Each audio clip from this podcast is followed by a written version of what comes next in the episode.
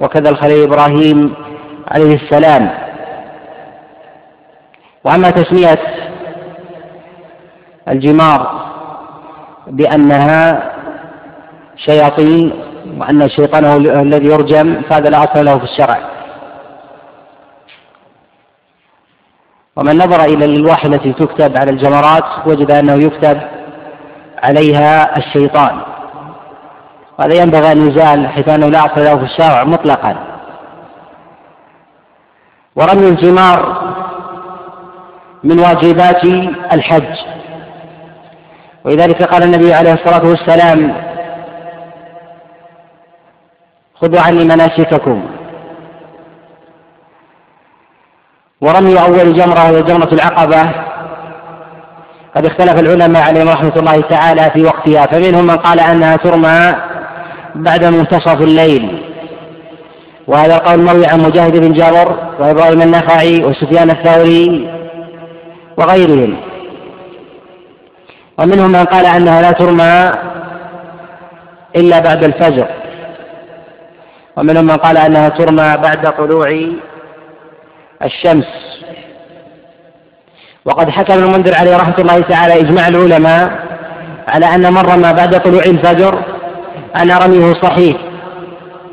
وقال لا أعلم من قال بخلاف ذلك. قال ولا أعلم من قال من السلف أن من رمى قبل طلوع الشمس أن رميه غير صحيح.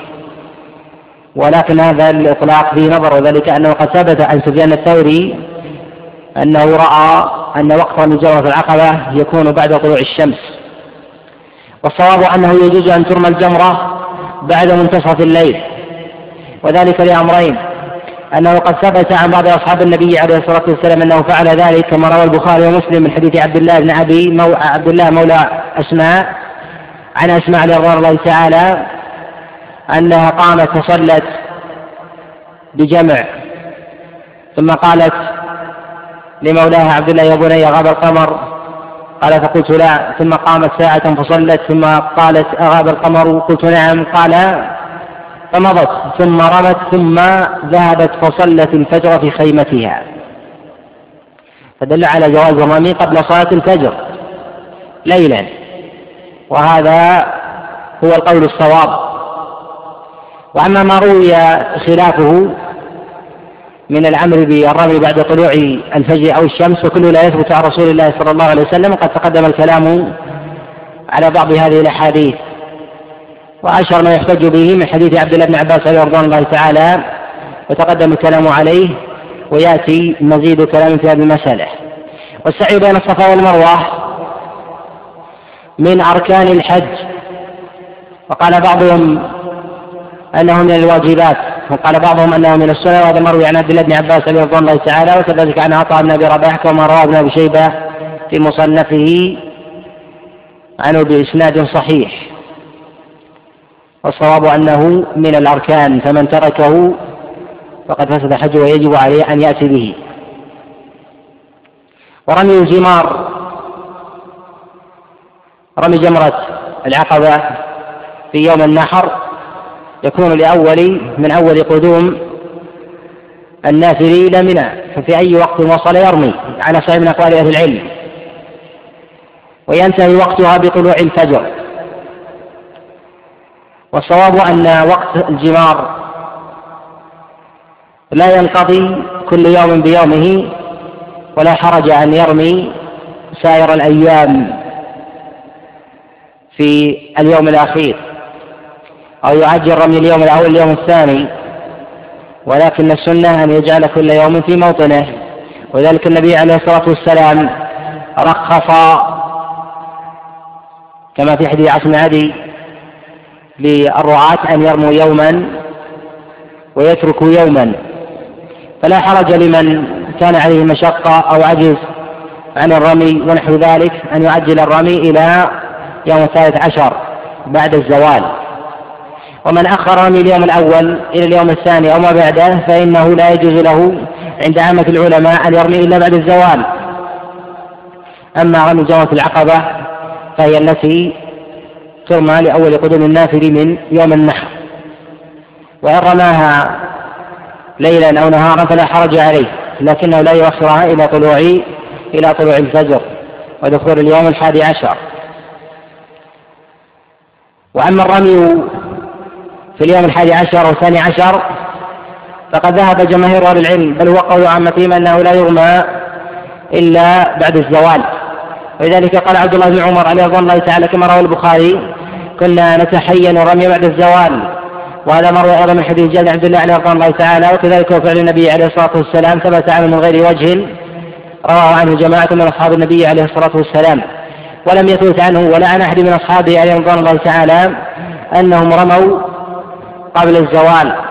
وقد روي عن عبد الله بن عباس رضي الله تعالى قول بجوازه ومروي عن طاووس بن كيسان وقال به جماعة من الفقهاء كابن الجوزي من الحنابلة والرافع من الشافعية وإمام الحرمين كذلك قالوا بجواز رمي قبل الزوال. وذهب عامة العلماء وهو قال الإمام مالك والشافعي وأحمد وأبي حنيفة إلى أن الرمي في اليوم الحادي عشر والثاني عشر لا يكون إلا بعد زوال الشمس أي بعد وقت صلاة الظهر.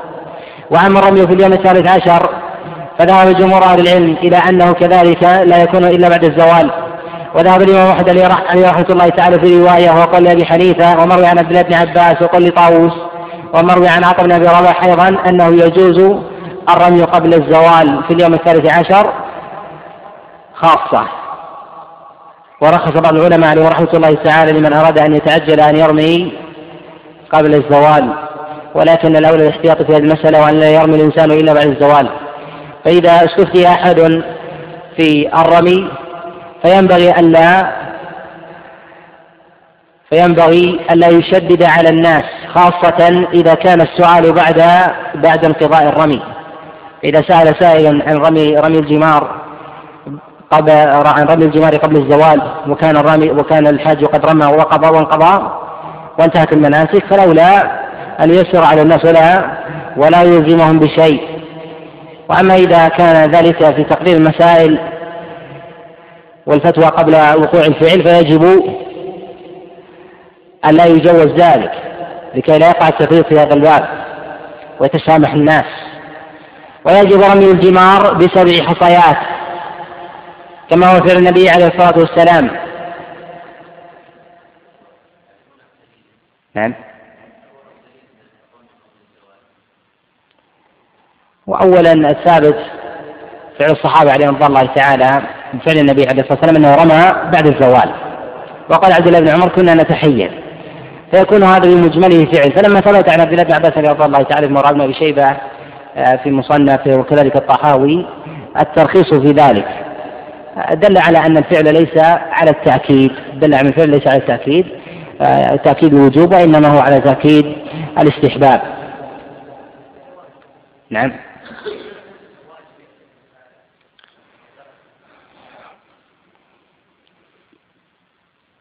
من قال بالوجوب فله وجه قوي لا شك. لكن يقال إذا سأل سائل قبل الرمي فيقال يجب ويفعل لكان ترمي تساهل الناس في هذا. لكن إذا رمى الإنسان وانتهى ثم سأل قال رميت آه، ولم أشعر أو رميت مقلدا لفتوى فلان ونحو ذلك فلا حرج من أن يسأل الناس ولا يوجب ولا يلزمون بشيء. و رمي الجمار يكون بسبع حصيات كحصى الخد وحصى الخد جاء مفسر في الصحيحين.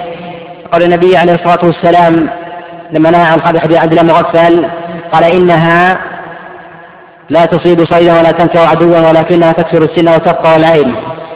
فالحجر الذي لا يصيب الصيد هو حصى الخد وهو الذي يرمى به بالأصابع. لذلك كان نهى النبي عليه الصلاة والسلام عنه. ولذلك قال النبي عليه الصلاة والسلام بمثل هذا ورموا ترموا ولا ولا تغالوا فينبغي الإنسان أن يرمي بمثل حصى الخلف ولا قدر الأنملة أو نحوها. ويرمي بسبع حصيات. وإن قل عن ذلك لم يثبت عن النبي عليه الصلاة والسلام ولا عن أحد من أصحابه عليهم رضوان الله تعالى أنهم رموا بأقل من سبع حصيات. وأما ما رواه ابن أبي شيبة في المصنف من حديث أبي نجي عن مجاهد بن جابر عن عبد عن سعد بن مالك عليه رضوان الله تعالى قال حديثنا مع رسول الله صلى الله عليه وسلم فمنا من رمى بسبع ومنا من رمى بست ولم يعب بعضنا على بعض. فهذا إسناده منقطع فمجاهد لم يسمع من سعد. وكذلك ما روي عن عبد الله بن عمر عليه رضوان الله تعالى أنه قال رمينا فمنا من رمى بالست ومنا من رمى بالسبع ولا يصح إسناده. كذلك عن عبد الله بن عمر فقد روى ابن أبي شيبة في المصنف بإسناد بإسناد منقطع. وقد رخص بعض السلف برمي الست وهذا مروي عن عطاء بن رواح ورخص بعضهم برمي الخمس وهذا مروي عن مجاهد بن جبر وإسحاق بن راهويه. فقال أبو حنيفة عليه رحمة الله تعالى أنه يسوغ الإنسان أن يرمي ويجزي عنه أن يرمي أكثر الجمار. اذا والأكثر يكون اربعا. ومثل هذا لا ينبغي أن يتساءل فيه لأنه لم يثبت عن النبي عليه الصلاة والسلام ولا عن الصحابة. إذا سأل سائل انه قال رميت ستا فيقال يجب أن تثبت السابعة. إلا إذا انقضت المناسك انقضت الأيام فيعفى فيعفى عن هذا لوروده عن جماعة من السلف عليهم رحمة الله. ويجب في رمي الجمال الترتيب كما ثبت عن رسول الله صلى الله عليه وسلم وعن أصحابه. ولم يثبت عن أحد منهم أنه رمى الجمار منكسا خلافا لفعل رسول الله صلى الله عليه وسلم. وهذا القول هو قول جمهور أهل العلم. ومن لم يرتب فقد أثم لمخالفته لفعل النبي عليه الصلاة والسلام وعمل الصحابة. ورخص الحنفية بالترتيب. وكما تقدم الحنفية قاعدة عندهم أن الترتيب غير لازم. لا في الطواف ولا في السعي ولا في رمي الجمار. ولا في أفعال الحج ولا في أفعال الحج من تقديم الطواف على السعي سواء كان ذلك في حج أو عمرة. نعم. وعن محمد بن أبي بكر الثقفي أنه سأل أنس بن مالك رضي الله عنه وهما غاديان من منى إلى عرفة كيف كنتم تصنعون في هذا اليوم مع رسول الله صلى الله عليه وسلم؟ فقال كان يهل منا المهل فلا ينكر عليه ويكبر المكبر منا فلا ينكر عليه.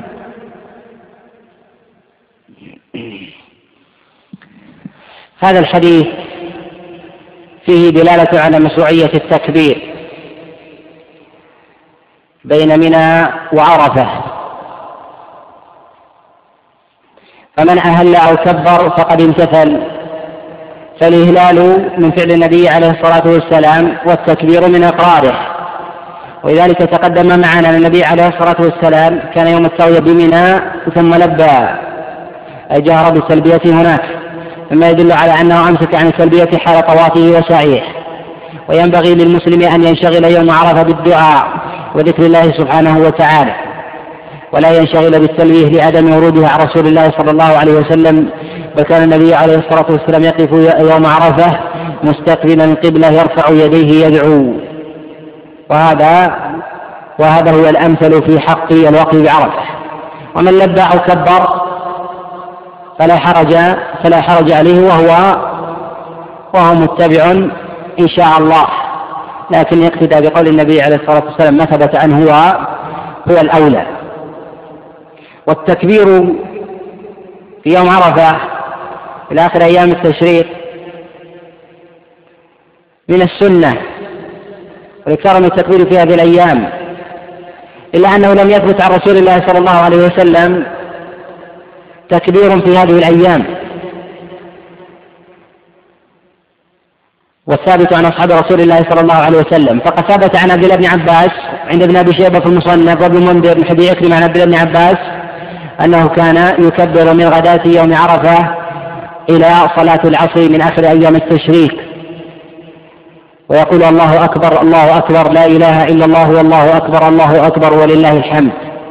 وثبت هذا عن عبد الله بن مسعود عليه رضوان الله تعالى كما روى ابن أبي شبة المصنف من حديث أبي الأسود والاحوص وإبراهيم وعلقمة عن عبد الله بن مسعود رضوان الله تعالى.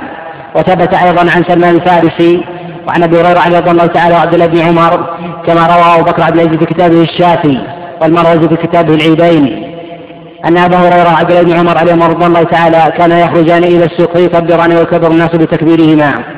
إلا أنه لم يثبت عن رسول الله صلى الله عليه وسلم في هذا الشيء.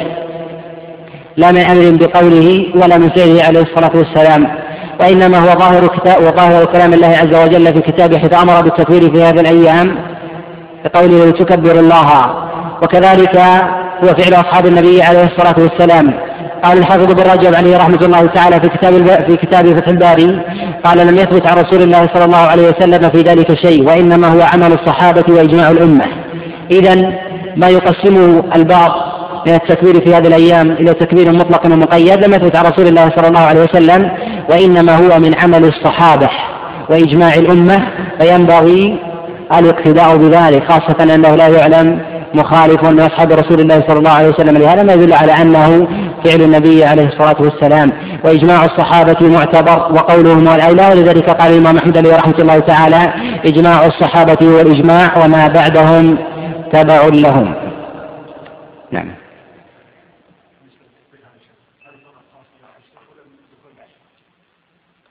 التكبير يكون من يوم عرفة. من غداة يوم عرفة إلى آخر أيام التشريق. كيف؟ لا يكبر فيها. يكبر فيها. ظاهر أمر النبي عليه الصلاة والسلام وهو التكبير أيضا من جملة الطاعات وذكر الله سبحانه وتعالى. فقد أخبر النبي عليه الصلاة والسلام ما من عمل أعظم أفضل عند الله عز وجل من عمل في هذه في مثل هذه الأيام. العمل المطلق سواء كان تكبير أو غيره. التكبير الآكد وثابت عن أصحاب رسول الله صلى الله عليه وسلم هو في أيام تشريق من غداة يوم عرفة إلى صلاة العصر من آخر أيام التشريق. نعم. وعن هشام بن عروة عن أبيه أنه سئل أسامة وأنا جالس كيف كان رسول الله صلى الله عليه وسلم يسير في حجة الوداع حين دفع؟ قال كان يسير العنق فإذا وجد فجوة النصر متفق عليهما. حديث رواه الشيخان رواه البخاري من حديث مالك عن هشام بن عروة عن ابي عن عائشة عليه رضي الله تعالى ورواه مسلم من حديث حماد عن هشام به. وهذا الحديث فيه دليل على على مشروعية السكينة وعدم إيذاء الناس آه، في الزحام. وذلك النبي عليه الصلاة والسلام كان يمشي إذا كان مشيه أيسر للناس وأيسر له ويركب إذا كان ركوبه أيسر للناس وأيسر له. وذلك عليه الصلاة والسلام كان يمشي الهوين إلا إذا وجد فرجة من الناس ولم يكن ثمة أحد يضايق عجل عليه الصلاة والسلام. وذلك أن المفرط من عرفة تستدعي العجلة لكي يصل الإنسان في في أول وقت العشاء فيصلي المغرب والعشاء في وقت في وقت الثانية. ومعلوم أنه أفضل الأوقات أداء الصلوات في أول وقتها كما جاء في ذلك الحديث كثيرا في الصحيحين وغيره من حديث عبد الله بن مسعود وغيره نعم. وعن القاسم عن عائشة رضي الله عنها قالت استأذنت زوجة رسول الله صلى الله عليه وسلم ليلة المزدلفة تدفع قبله وقبل حطمة الناس وكانت امرأة ثبطة يقول, يقول القاسم والثبطة الثقيلة قالت فأذن لها فخرجت قبل دفعه وحبسنا حتى أصبحنا فدفعنا بدفعه ولأن أكون استأذنت رسول الله صلى الله عليه وسلم كما استأذنته سودة فأكون أدفع بإذنه أحب إلي من مفروح به. هذا حديث روي عبد الرحمن القاسم عن عائشة رضوان الله تعالى وفيه دلالة على الترخيص للضعفاء ومن في حكمهم. من ممن يعينهم من قوادهم من قواد النساء والعجزة أو الصغار ونحو ذلك. وإن كانوا أقوياء فإنهم تبع تبع لهم. وذهب بعض الأئمة عليهم رحمة الله تعالى من السلف والخلف إلى أنه لا يجوز لمن كان قويا ونفر بعد منتصف الليل أو بعد مغيب القمر إلى أن يرمي أول وصوله ليلا وإنما يرمي وإنما يرمي بعد الفجر. وذلك أن تخصيص النبي عليه الصلاة والسلام لمن نفر للضعفة. ولم يرخص للأقوياء. فيقال أن النبي عليه الصلاة والسلام لما اغتفر للأقوياء أن ينفروا بعد بعد منتصف الليل إذا كانوا تبعا للضعفاء دل على أن النفرة أصلا هي لترك الزحام عند رمي الجمار. ومعلوم أن الطريق ليس فيه زحام وإن الزحام عند عند رمي الجمار. فإذا رخص لهم بترك واجب وقال بعضهم بركنيته دل دل على أنه يرخص فيما دون ذلك. معلوم أنه قال بعض الفقهاء عليهم رحمة الله تعالى أن أن المبيت مزدلفة ليلة النحر أنه من أركان الحج. وذلك أن النبي عليه الصلاة والسلام قد قرن الوقوف بعرفة والمبيت مزدلفة في حد واحد. كما تقدم معنا. ولكن الصواب أنه من واجبات لذلك النبي عليه الصلاة والسلام رخص للضعفاء ومن كان معه أن ينفروا بعد منتصف الليل أو بعد مغيب القمر. والصواب في هذا أن الأقوياء من ممن كانوا مع الضعفة من محارم النساء وقواد الشيوخ أو العميان ونحو ذلك فإنه لا حرج عليهم أن يرموا مع الضعفة أول قدومهم. وهذا هو الصواب. من منع؟ فلا دليل عنده إلا الآخذ بقرائن النص التي جاءت في الحديث والقرائن كما أنها تدل لقولهم فإنها تدل على على خلافه. وقد كان بعض أصحاب النبي عليه الصلاة والسلام فيهم شدة وإن كانوا من النساء كما هو حال أسماء فإنها كانت تقوم الليل. فقامت ساعة ثم قامت ساعة ثم قامت ساعة. وعاش على رضوان الله تعالى تمنى لو تكون استاذة النبي عليه الصلاة والسلام. وكانت في ذلك الوقت في حال شدة وقوة. ولو أنها في أول شبابها عليها رضوان الله تعالى. وكذلك أذن النبي عليه الصلاة والسلام بعبد الله بن عباس وهو قد ناهز الاحتلام أي قرب من الاحتلام. وشاب قوي كما جاء في البخاري من حديث عبد الله بن عباس في قصة جعله الحمار يمشي بين يدي النبي عليه الصلاة والسلام وجمهور أهل العلم الآن. النبي عليه الصلاة والسلام توفي عبد الله بن عباس عمره 13 سنة وقال بعضهم أنه توفي وعمره 15 سنة وصاب أن عمره 13 13 سنة. نعم. وعن ابن عباس رضي الله عنهما قال بعثني رسول الله صلى الله عليه وسلم في الثقل أو قال في الضعفة من جمع بليل متفق عليهما واللفظ لمسلم. أراد المصنف عليه رحمة الله تعالى أن يستدل بهذا أنه يرخص للرجال والنساء من الضعفة وكذلك الصبيان أن ينفروا ليلا.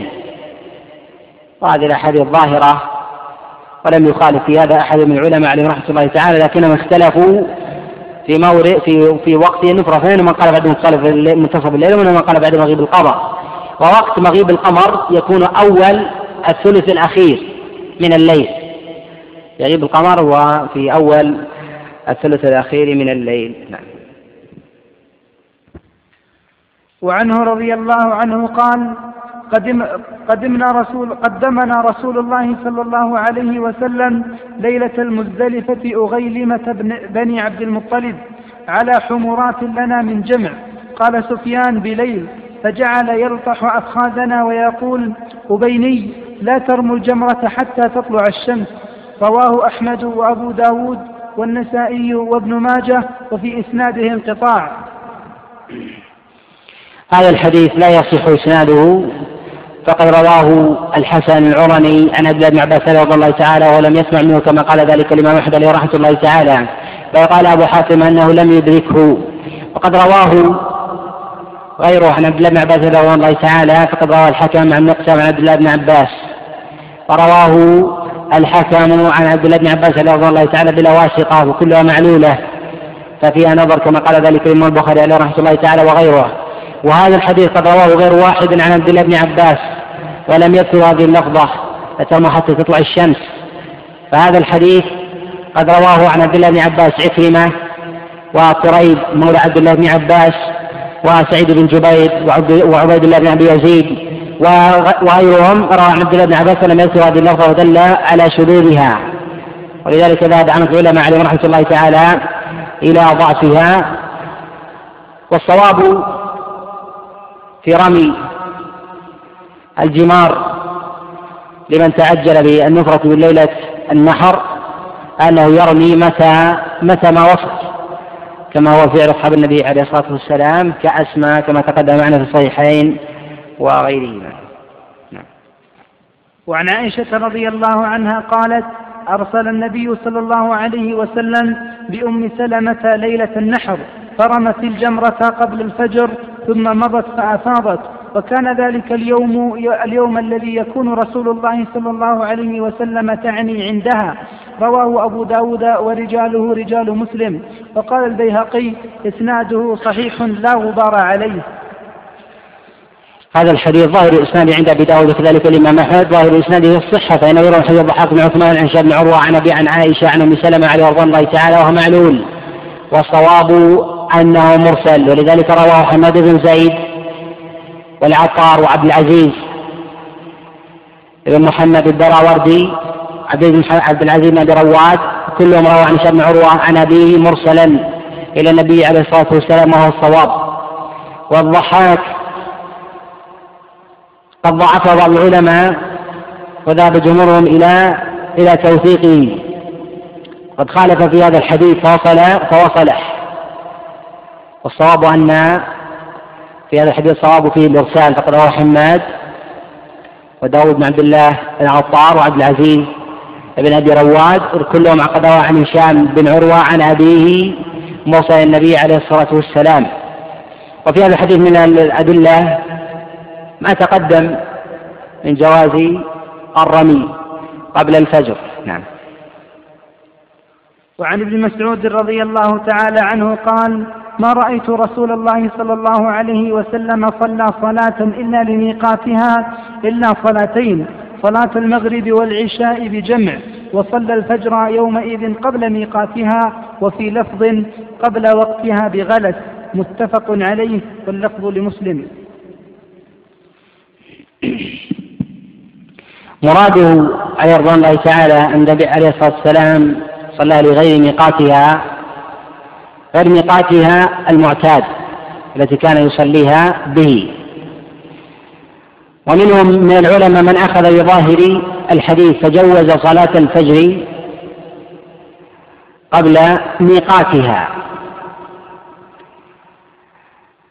وهذا مروي عن عبد الله بن عباس عليه رضي الله تعالى ذكر عن ابن المنذر وابن عبد البر في كتاب التمييز والاستذكار وكذلك ذكره ابن رشد في كتابه البداية من غير إسناد. ولا أعلم له إسناد عن عبد الله بن عباس رضي الله تعالى وقد أخذ بقوله جماعة من الأئمة ومروي عن ابن عليه رحمة الله تعالى وقال لأبي لأبي حنيفة. ولكن يقال أن فعل النبي عليه الصلاة والسلام هنا الذي أراد عبد الله بن مسعود عليه رضي الله تعالى أنه صلى لغير ميقاتها المعتاد. معلوم أن وقت الصلوات متسع وأن الأفضل أن يكون في أول الوقت وإن صلاها في أوسطه جاز وإن صلاها في آخره جاز. وآخر صلاة العشاء قد اختلف فيه العلماء عليهم رحمة الله تعالى على قولين.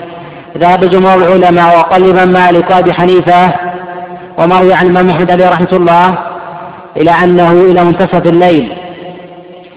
وذهب الإمام أحمد عليه رحمة الله تعالى في رواية وقال الإمام الشافعي وصوابه جماعة كالإمام النووي عليه رحمة الله تعالى وشيخ سام تيمية في شرع العمدة إلى أن آخر وقت العشاء إلى طلوع الفجر وهو الصواب.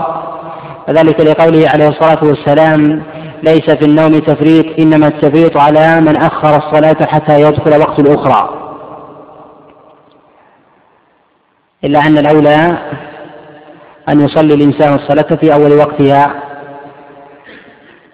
وأفضل وقت العشاء هو إذا هجع الناس في منتصف وقت صلاة العشاء. فإن خرج من الخلاف وصلى قبل منتصف الليل فهو الأولى والأحوط.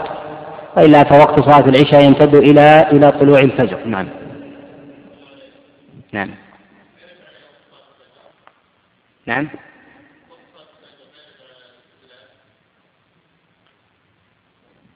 كيف؟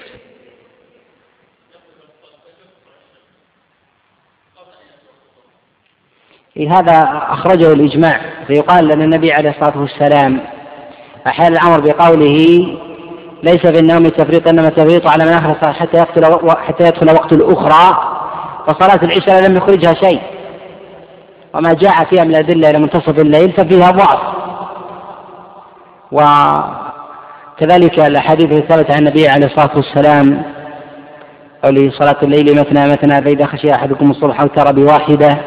معلوم أن الوتر داخل في وقت صلاة العشاء. ولم يثبت عن النبي عليه الصلاة والسلام من وجه صريح صحيح القطع في تحديد آخره وإنما هي أدلة محتملة. وأما إيراد البعض وهو أن صلاة الفجر ينتهي وقت طلوع الشمس قبل دخول صلاة الظهر فيقال هذا أخرجه الإجماع وأخرجه الدليل أخرجه من النص. وأما صلاة العشاء لم يرد عن النبي عليه الصلاة والسلام لم يثبت عن النبي عليه الصلاة والسلام أنها تخرج بدليل صريح صحيح وما جاء من تحديد منتصف الليل. فمنهم من أعله ومنهم من تأوله بجمع بالأدلة بأنه وقت وقت الأفضلية. نعم. وعن عروة بن مبرس بن حارجة بن لام الطائي رضي الله عنه قال أتيت رسول الله صلى الله عليه وسلم بالمزدلفة حين خرج إلى الصلاة فقلت يا رسول الله إني جئت من جبل طيء أكللت راحلتي وأتعبت نفسي. والله ما تركت من جبل إلا وقفت عليه فهل لي من حج؟ فقال رسول الله صلى الله عليه وسلم من شهد صلاتنا هذه ووقف معنا حتى ندفع. وقد وقف بعرفة قبل ذلك ليلا أو نهارا فقد تم حجه وقضى تفته رواه الإمام أحمد. وأبو داود والنسائي وابن ماجه والترمذي وهذا لفظه وصححه والحاكم وقال هذا حديث صحيح على شرط كافة أئمة الحديث. هذا حديث ثابت ولا أعلم من الأئمة عليه رحمة الله تعالى من أعله بوجه معتبر وعامة الحفاظ عليهم رحمة الله تعالى على ثبوته. وهذا حجة من قال من أن الوقوف بعرفة يجزي لأي ساعة من ليل أو نهار ولذلك النبي عليه الصلاة والسلام أطلق الوقوف من الليل أو النهار وذهب بعض الأئمة وقال أبي حنيفة وقال الإمام أحمد عليه رحمة الله تعالى إلى أنه لا بد من الجمع بين الليل والنهار. ولذلك النبي عليه الصلاة والسلام قال من الليل أو النهار. والصواب أن المراد هنا هو التخيير من الليل والنهار لمن كان لمن كان في حال ضرورة وإلا يتأكد في حقه أن يقف من بعد الزوال إلى غروب الشمس.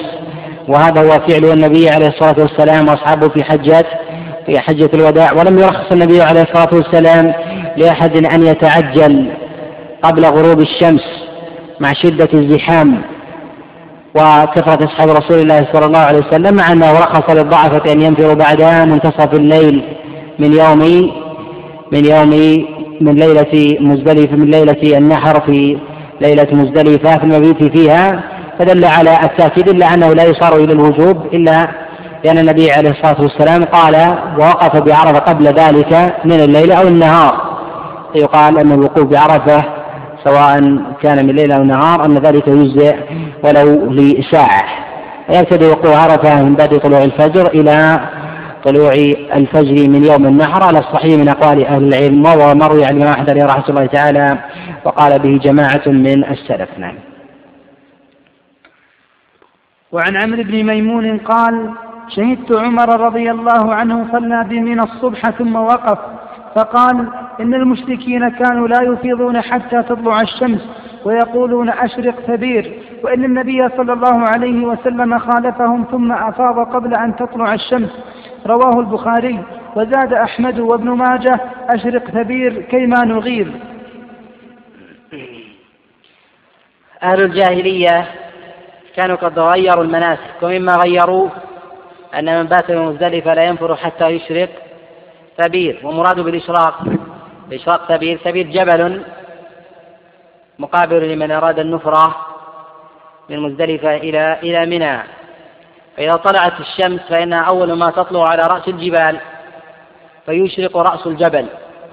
فهم يقولون لا ننفر من مزدلفة إلى منى حتى تظهر الشمس. وأشعتها على رأس جبل ثبير فكانوا يقولون أشرق ثبير كيما نغيث أي حتى ننفر من مزدلفة إلى منى فخالفه النبي عليه الصلاة والسلام فنفر بعد بعد صلاة الفجر وقبل طلوع الشمس. وهذا مما غيره النبي عليه الصلاة والسلام ما كان عليه أهل الجاهلية مما غيروه من مناسك الحج مع عليه خليل إبراهيم عليه الصلاة والسلام. نعم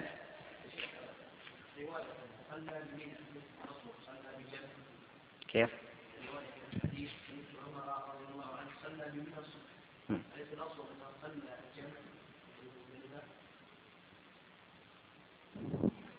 أعد وعن عمرو بن ميمون قال شهدت عمر رضي الله عنه صلى بمن الصبح ثم وقف فقال إن المشركين كانوا لا يفرضون حتى تطلع الشمس ويقولون أشتق كبير وإن النبي صلى الله عليه وسلم خالفهم ثم أفاض قبل أن تطلع الشمس. في تعليق الحاشية. قال شيخ في نسخة ميم قوله بجمع بدلا من قوله بمنى وسقط قوله كانوا. كل النسخة أحال إلى نسخة من خط المصنف كلها كلها ب ب كلها بجامع؟ نعم. بدون جامع؟ نعم.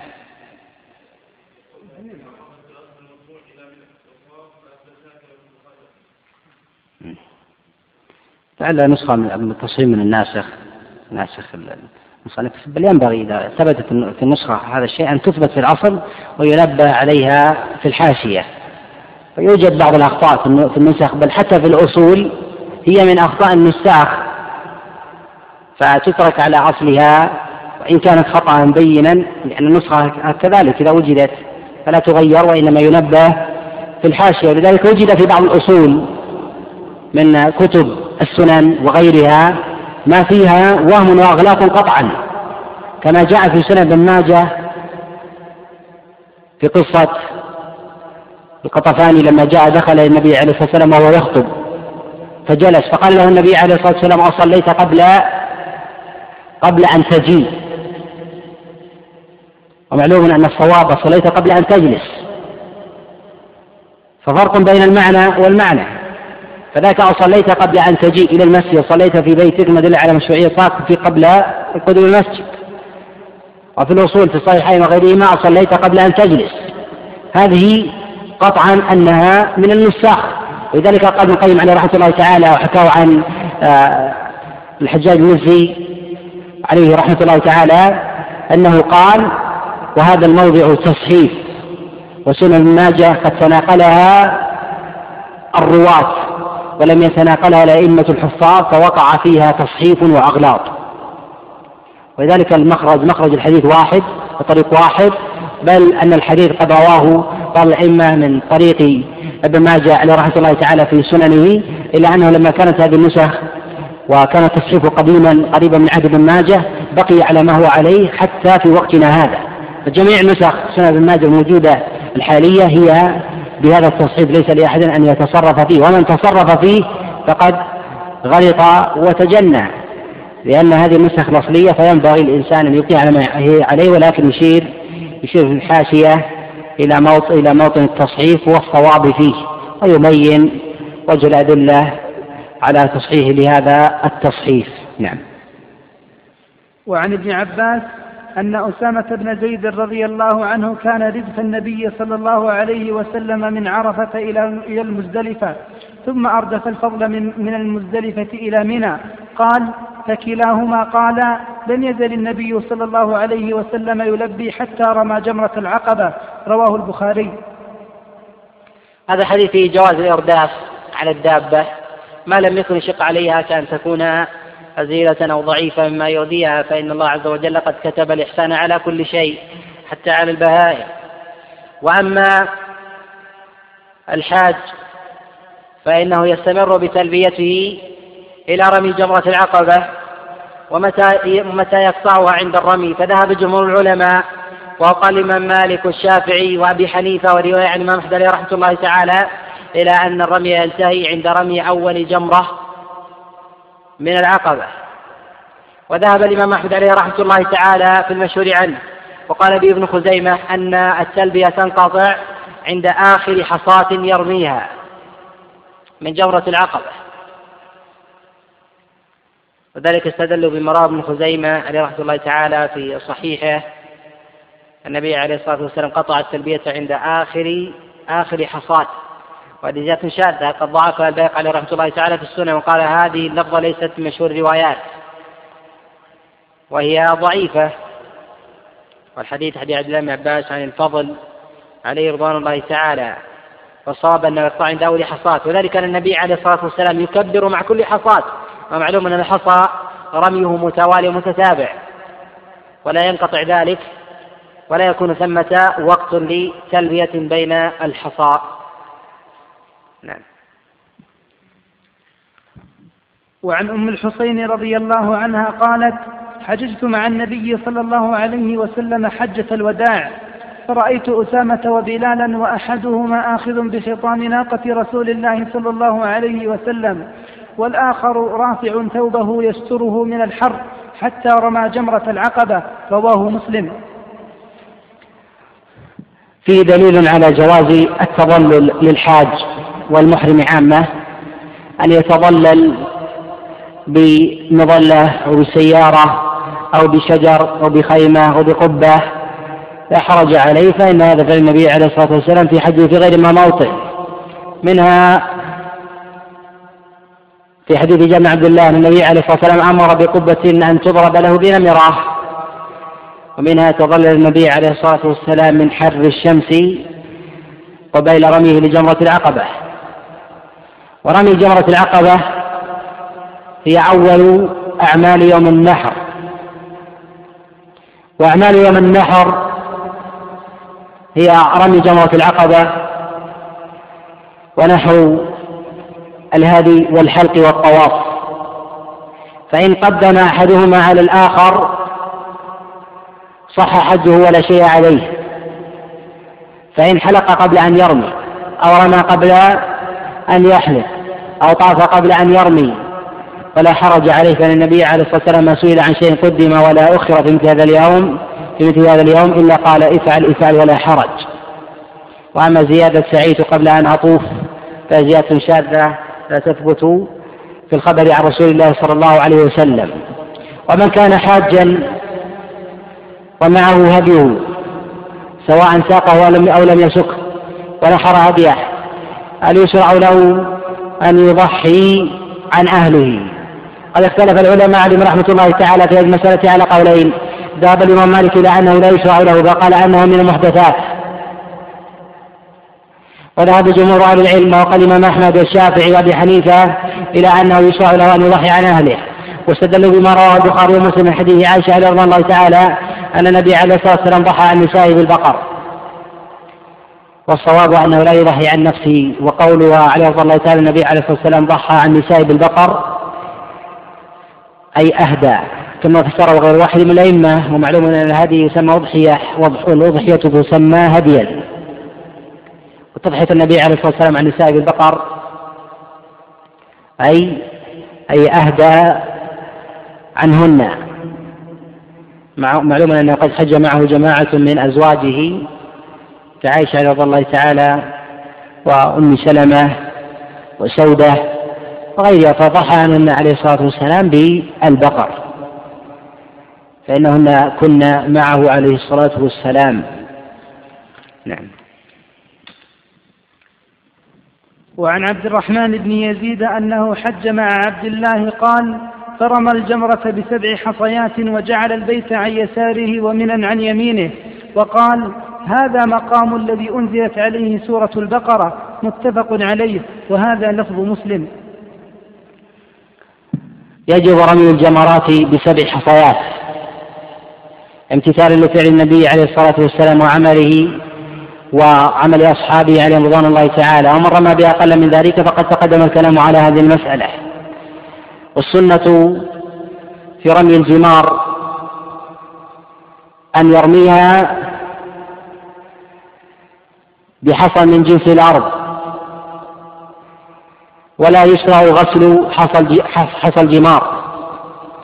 ولا أعلم من قال بمشروعية الغسل من السلف من الصحابة والتابعين إلا قوس بن كيسان. وعامتهم على عدم مشروعية ذلك. ويجوز الرمي بالحصى المستعمل خلافا للمشهور من مذهب الحنابلة ومذهب الإمام مالك. ولا أعلم دليلا صريحا في هذه المسألة إلا ما رواه الفاكهي في أخبار مكة من حديث عبد الله بن عباس رضي الله تعالى ويروي عنه عكرمة أنه قال ما تقبله الله عز وجل من الجمار فإنه يرفع ولو لم يرفع لكان أعظم من جبل ثبير وكذلك ثبت ذلك عن أبي سعيد الخدري رضي الله تعالى كما روى الفاكهي في أخبار مكة بإسناد لا بأس به. قد فهم العلماء عليهم رحمة الله تعالى من هذا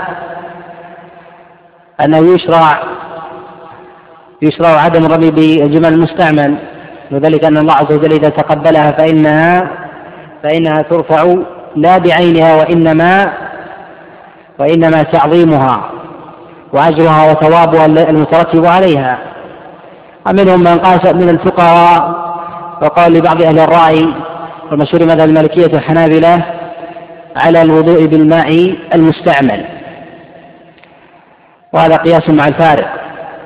ولم يثبت عن النبي عليه الصلاة والسلام ولا عن أصحابه عليهم رضي الله تعالى نص صريح في هذا إلا ما تقدم من حديث عبد الله بن عباس موقوفا عليه وكذلك عن أبي سعيد الخدري موقوفا.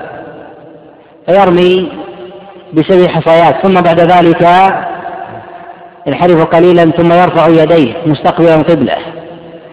ورفع اليدين بعد رمي الجمار هو قول عامة العلماء. قال المنذر عليه رحمة الله تعالى ولا يعلم ما خالف في ذلك إلا الإمام مالك بل قال أنه بدعة محدثة. والصواب أنه من السنة لفعل النبي عليه الصلاة والسلام. فسواء وقف على دابته أو وقف بلا دابة.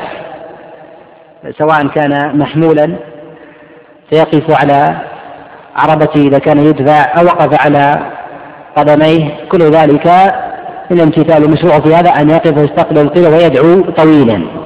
يدعو عند الأولى والثانية أما الثالثة فينصرف ولا يقف عندها خلافا لما ذهب إليه بعض أهل الرأي. نعم. وعن أبي الزبير أنه سمع جابرا يقول رأيت النبي صلى الله عليه وسلم يرمي على راحلته يوم النحر ويقول لتأخذوا عني مناسككم لا أدري لعلي لا أحج بعد بعد حجتي هذه. هذا الحديث أصله قطعة من حديث جابر الطويل في صفة حج النبي عليه الصلاة والسلام وهذا الحديث استدل به أي الظاهر وعامة الحنابلة على أن الأصل في فعل النبي عليه الصلاة والسلام في مناسكه أنها على الوجوب.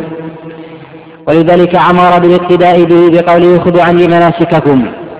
وهذا قول وجيه وقول قوي إلا أنه لا يقال بالوجوب إذا كان ثمة قرينة صارفة لترك بعض أصحاب النبي عليه الصلاة والسلام ممن حج معه أو قال به ممن حج مع النبي عليه الصلاة والسلام مما يشير على مما يشير على أن الأمر ليس على التأكيد.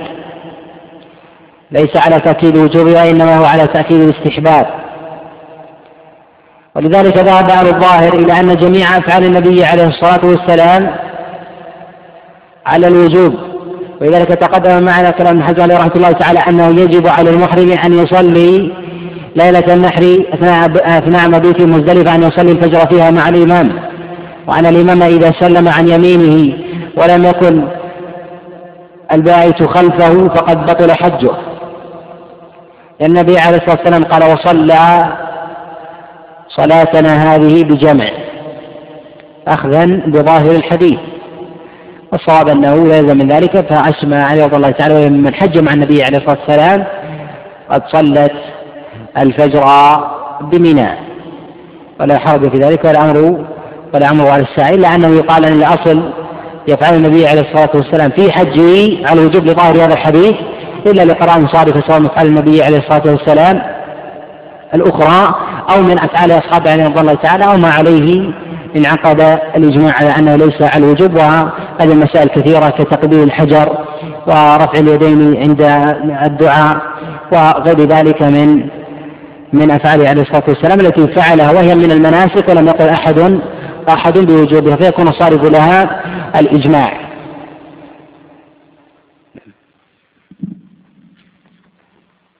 وعنه قال رمى رسول الله صلى الله عليه وسلم يوم النحر ضحى وأما يقول ذكرت النبي عليه الصلاة والسلام قد حج قبل حجة الوداع فكم حج عليه الصلاة والسلام؟ قد روى الترمذي عليه رحمه الله تعالى وكذلك الإمام أحمد من حديث زيد بن حباب عن سفيان الثوري عن جابر محمد عن أبي عن جابر عبد الله أن النبي عليه الصلاة والسلام حج ثلاث حجج حجة قبل أن يهاجر وحجة بعدما هاجر.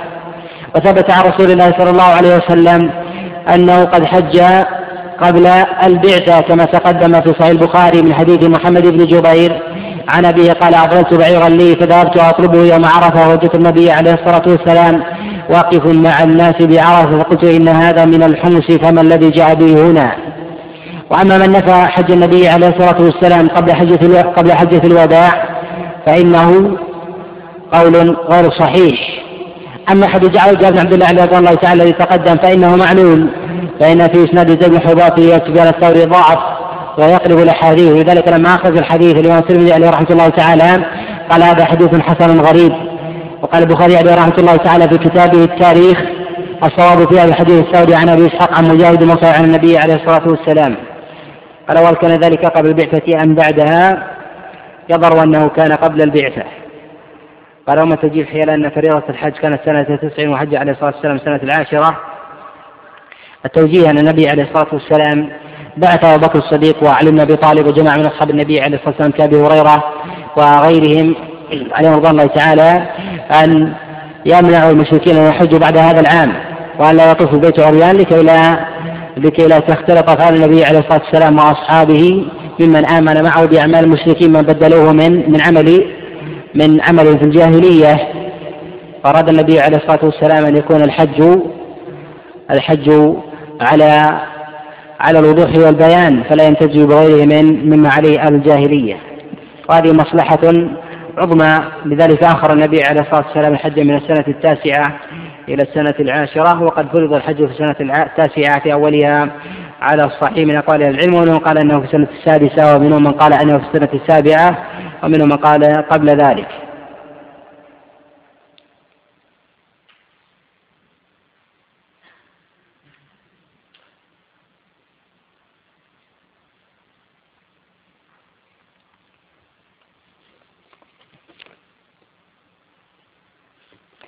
قل هل ميقات المفرد يكون من داخل مكة أم من الميقات؟ المفرد إذا كان من أهل مكة فإنه يحرم من مكانه. أما إذا كان معتمرا فإنه يخرج إلى إلى الحل سواء إلى التنعيم أو إلى غيره. هذا قول عامة العلماء عليهم رحمة الله تعالى ولم يخالف في هذا إلا بعض الظاهرية من المتأخرين وقال الصنعاني عليه رحمة الله تعالى وكذا الشوكاني أنه قال المحرم لعمرة أو حج فإنه يحرم مكانه. وقيل أنه ظاهر كلام البخاري عليه رحمة الله تعالى فانه قد ترجم لحديث عبد الله بن عباس كما في الصحيح قال باب هل أهل مكة للحج والعمرة كما ورد حديث عبد الله بن عباس عند رضوان الله تعالى. والصواب أن أهل مكة إذا كانوا إذا كانوا يريدون الإحرام لحج فإنهم يحرمون مكانه وإذا أرادوا عمرة فإنهم يحرمون من الحل أمر النبي عليه الصلاة والسلام عائشة رضي الله تعالى أن تحرم من التنعيم. أما إذا كان مفردا فإنه فإنه حاج ويحرم من مكانه سواء كان من أهل مكة أو ممن ورد عليها إذا كانت نيته قد طرت عليه بعد بعد دخوله مكة ويحرم من أي مكان من مكة من أي مكان من أحيائها ثم ينصرف بعد ذلك إلى إلى منى ليبيت فيها ليلة عرفة نعم يأتي الكلام عليه. التحالي الأول يكون برمي جمرة العقبة. ويأتي الكلام عليه بإذن الله نعم. إذا كان يحرم من مكانه. كيف خارج الميقات؟ يعني بين الميقات ومكة؟ خارج مكة أين؟ يعني هل هو بين الميقات ومكة أو خارج بعيد عن الميقات؟ يحرم الميقات. إلا إذا كان إذا كان قد أتى بعمرة على الصحيح كما تقدم هل السفر يقطع عمرة المتمتع إذا أخذها في أشهر الحج ثم رجع إلى أهله؟ الخلاف السابق. والصواب أنه لا يقطع. وأنه إن سافر إلى أهله فيبقى متمتعا. ولا دليل ولا دليل على القطع. أما إذا كان نوع الإفراد وهو بعيد عن الميقات فإنه يحرم من الميقات وجوبا.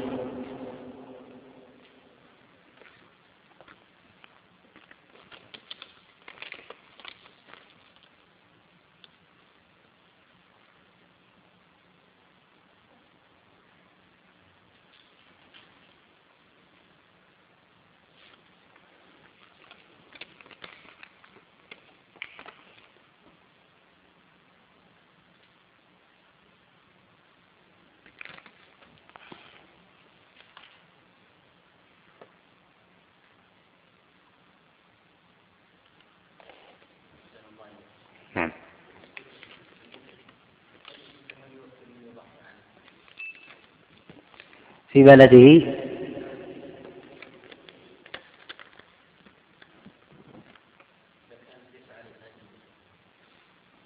لا غير لا يظهر.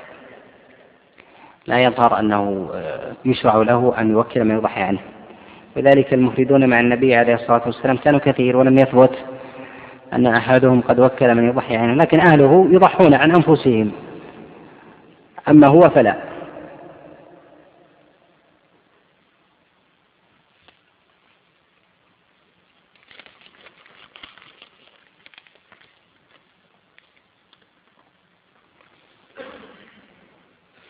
يقول ورد عن تقي الدين بداية التلفظ بالنسك فهل هو صحيح؟ التلفظ بالنسك غير التلفظ بالنية. النية من البدع ولم يقل أحد من العلماء عليه رحمة الله تعالى بمشروعية الجار بالنية في الحج إلا ما يروى عن مجاهد بن جبر ولم يوافق على هذا أحد. ولعله أراد بالنية هنا أراد بالنية هنا النسك. وإذا كان مراد السائل بالنسك ولا يتمسك به أن يكون متمتعا أو مفردا ونحو ذلك؟ نعم. هذا من البدع. هذا من البدع. لكنه يتلفظ بأفعاله التي يريد أن يفعلها من غير ذكر للإفراد أو التمتع أو القران ونحو ذلك. فلا يقول لبيك عمرة متمتعا بغير الحج. يقول لبيك عمرة كما هو ثابت عن النبي عليه الصلاة والسلام في الصحيح قال وأقول لبيك لبيك عمرة. أما ما يروى لبيك عمرة متمتع بها إلى الحج فلا أصل له. يقول ثم لو ترك التلبية واكتفى بالتلفظ بالنسك هل إحرامه صحيح؟ صحيح عند جمهور أهل العلم خلاف لأبي حنيفة وسفيان الثوري وابن جواد وعطاء بن أبي رباح فإنهم قالوا بعدم صحة ذلك وإلا إلا بالدم. بل قال أبو حنيفة عليه رحمة الله تعالى مروي عن عطاء أنه قال أن النية أو الإحرام لا ينعقد إلا إذا اجتمعت النية والتلبية. يقول هل سوق الهدي هو أن يسوقه من خارج الحرم؟ وما حكم لو وكل شخصا يسوقه عنه بعدما تلبس بالعمرة؟ فهل يحرم عليه فسخ العمرة؟ نعم إذا وكل أحدا أن يسوق عنه كما النبي عليه الصلاة والسلام ساق هديه علي بن أبي طالب عليه رضي الله تعالى لما جاء قادما به من اليمن. وسواء كان من بلده أو من غير بلده من دون بلده أو من أو من أبعد أو من أبعد منها كل ذلك يعتبر سوقا يحرم عليه أن يفسخ العمرة لأنه قارن فلا يحل له أن أن يحل حتى يبلغ الهدي محله.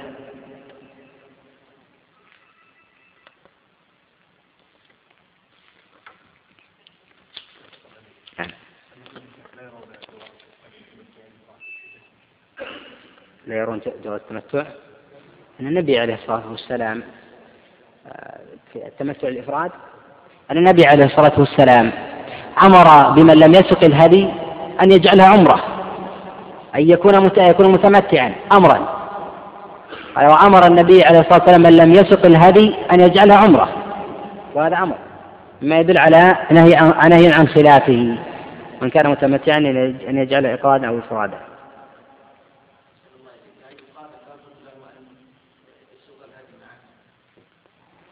لا. لا هو لا حرج عليه أن يكون. من علماء من أوجب هذا وقال لا يكون قارنا إلا إذا سق الهدي.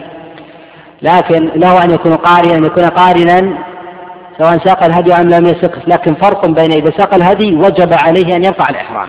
وإذا لم يسق الهدي جاز له أن يفسخه إلى تمتع أو إفراد.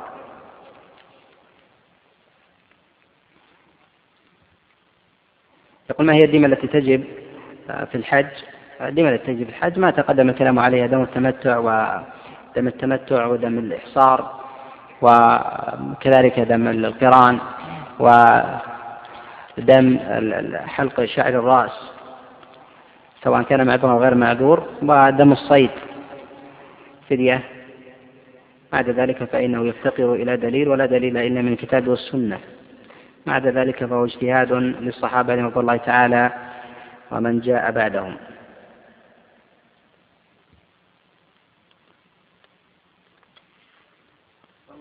يقول هل ثبت النبي عليه الصلاة والسلام اغتسل للإحرام؟ نعم جاء حديث يعقوب بن عبد الله المدني عن ابن أبي ابن أبي الزناد عن أبيه عن خارج بن زيد عن أبيه أن النبي عليه الصلاة والسلام تجرد الهلال واغتسل وهذا حديث حديث ضعيف لأن في إسناد يعقوب قد طعن فيه وكذا ابن أبي الزناد فهو ضعيف روايته عن أبيه أشد ضعفا ولم يثبت النبي عليه الصلاة والسلام من فعله لكن المسألة فيها شبه إجماع فقد حكي أن هذا العمل أو الاغتسال مشروع مشروعيته عند عامة العلماء حكاه النووي عليه رحمة الله تعالى وابن قدامة وغيرهم ما هي الصيغ الواردة في التكبير والتهليل في الأيام العشر وأيام التشريق؟ جاء في هذا الصيغ، أولا لم يثبت عن النبي عليه الصلاة والسلام في هذا الشيء، وإنما هو عن أصحاب النبي عليه الصلاة والسلام. فقد ثبت عن عبد الله بن عباس ما روى أبي شيبة مصنف من حديث عكرمه عن عبد الله بن عباس أنه كان يقول الله أكبر الله أكبر لا إله إلا الله والله أكبر الله أكبر ولله الحمد. وروي عنه أنه قال الله أكبر الله أكبر الله أكبر أعلى وأجل الله أكبر ولله الحمد. وثبت عن عبد الله بن مسعود رضي الله تعالى أنه كان يقول الله أكبر الله أكبر الله أكبر كبيرا والحمد لله كثيرا ولا إله إلا الله بكرة واصيلا.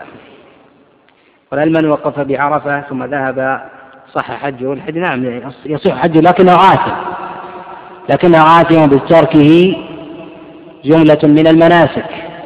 الوقوف بعرفة ورمي الجمار وشريطة قبوله لحج أن يكون قد طاف بالبيت طاف الحج وإذا لم يطف فإن حجه غير صحيح.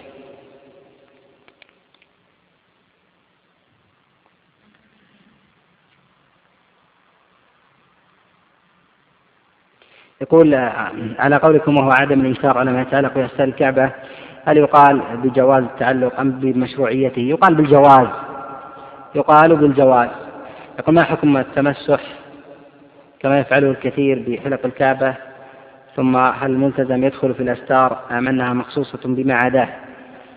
التمسح ما يفعله الكثير هذا من البدع المحدثة تمسح البدع وأن يضع الإنسان ما ما مسحه على وجهه وجسده ونحو ذلك هذا من البدع والإحداث في الدين وليس من الشريعة في شيء. وأما الملتزم فقد ثبت عن جماعة من السلف لأنه لا يثبت عن أصحاب النبي عليه الصلاة والسلام والأحاديث الواردة كلها عن النبي عليه الصلاة والسلام ضعيفة. لكنه أصح ما جاء في هذا مجاهد بن جابر أنه قال كانوا يلتزمون ما بين الركن والباب مجاهد من التابعين فلا يقال بالبدعية وإنما يقال أنه لا حرج من قال المشروعية تقليدا لبعض العلماء وأخذ بأقوالهم ممن يؤتمن في علمه فلا حرج في هذا المسألة فمسألة قابلة لكلا الأمرين.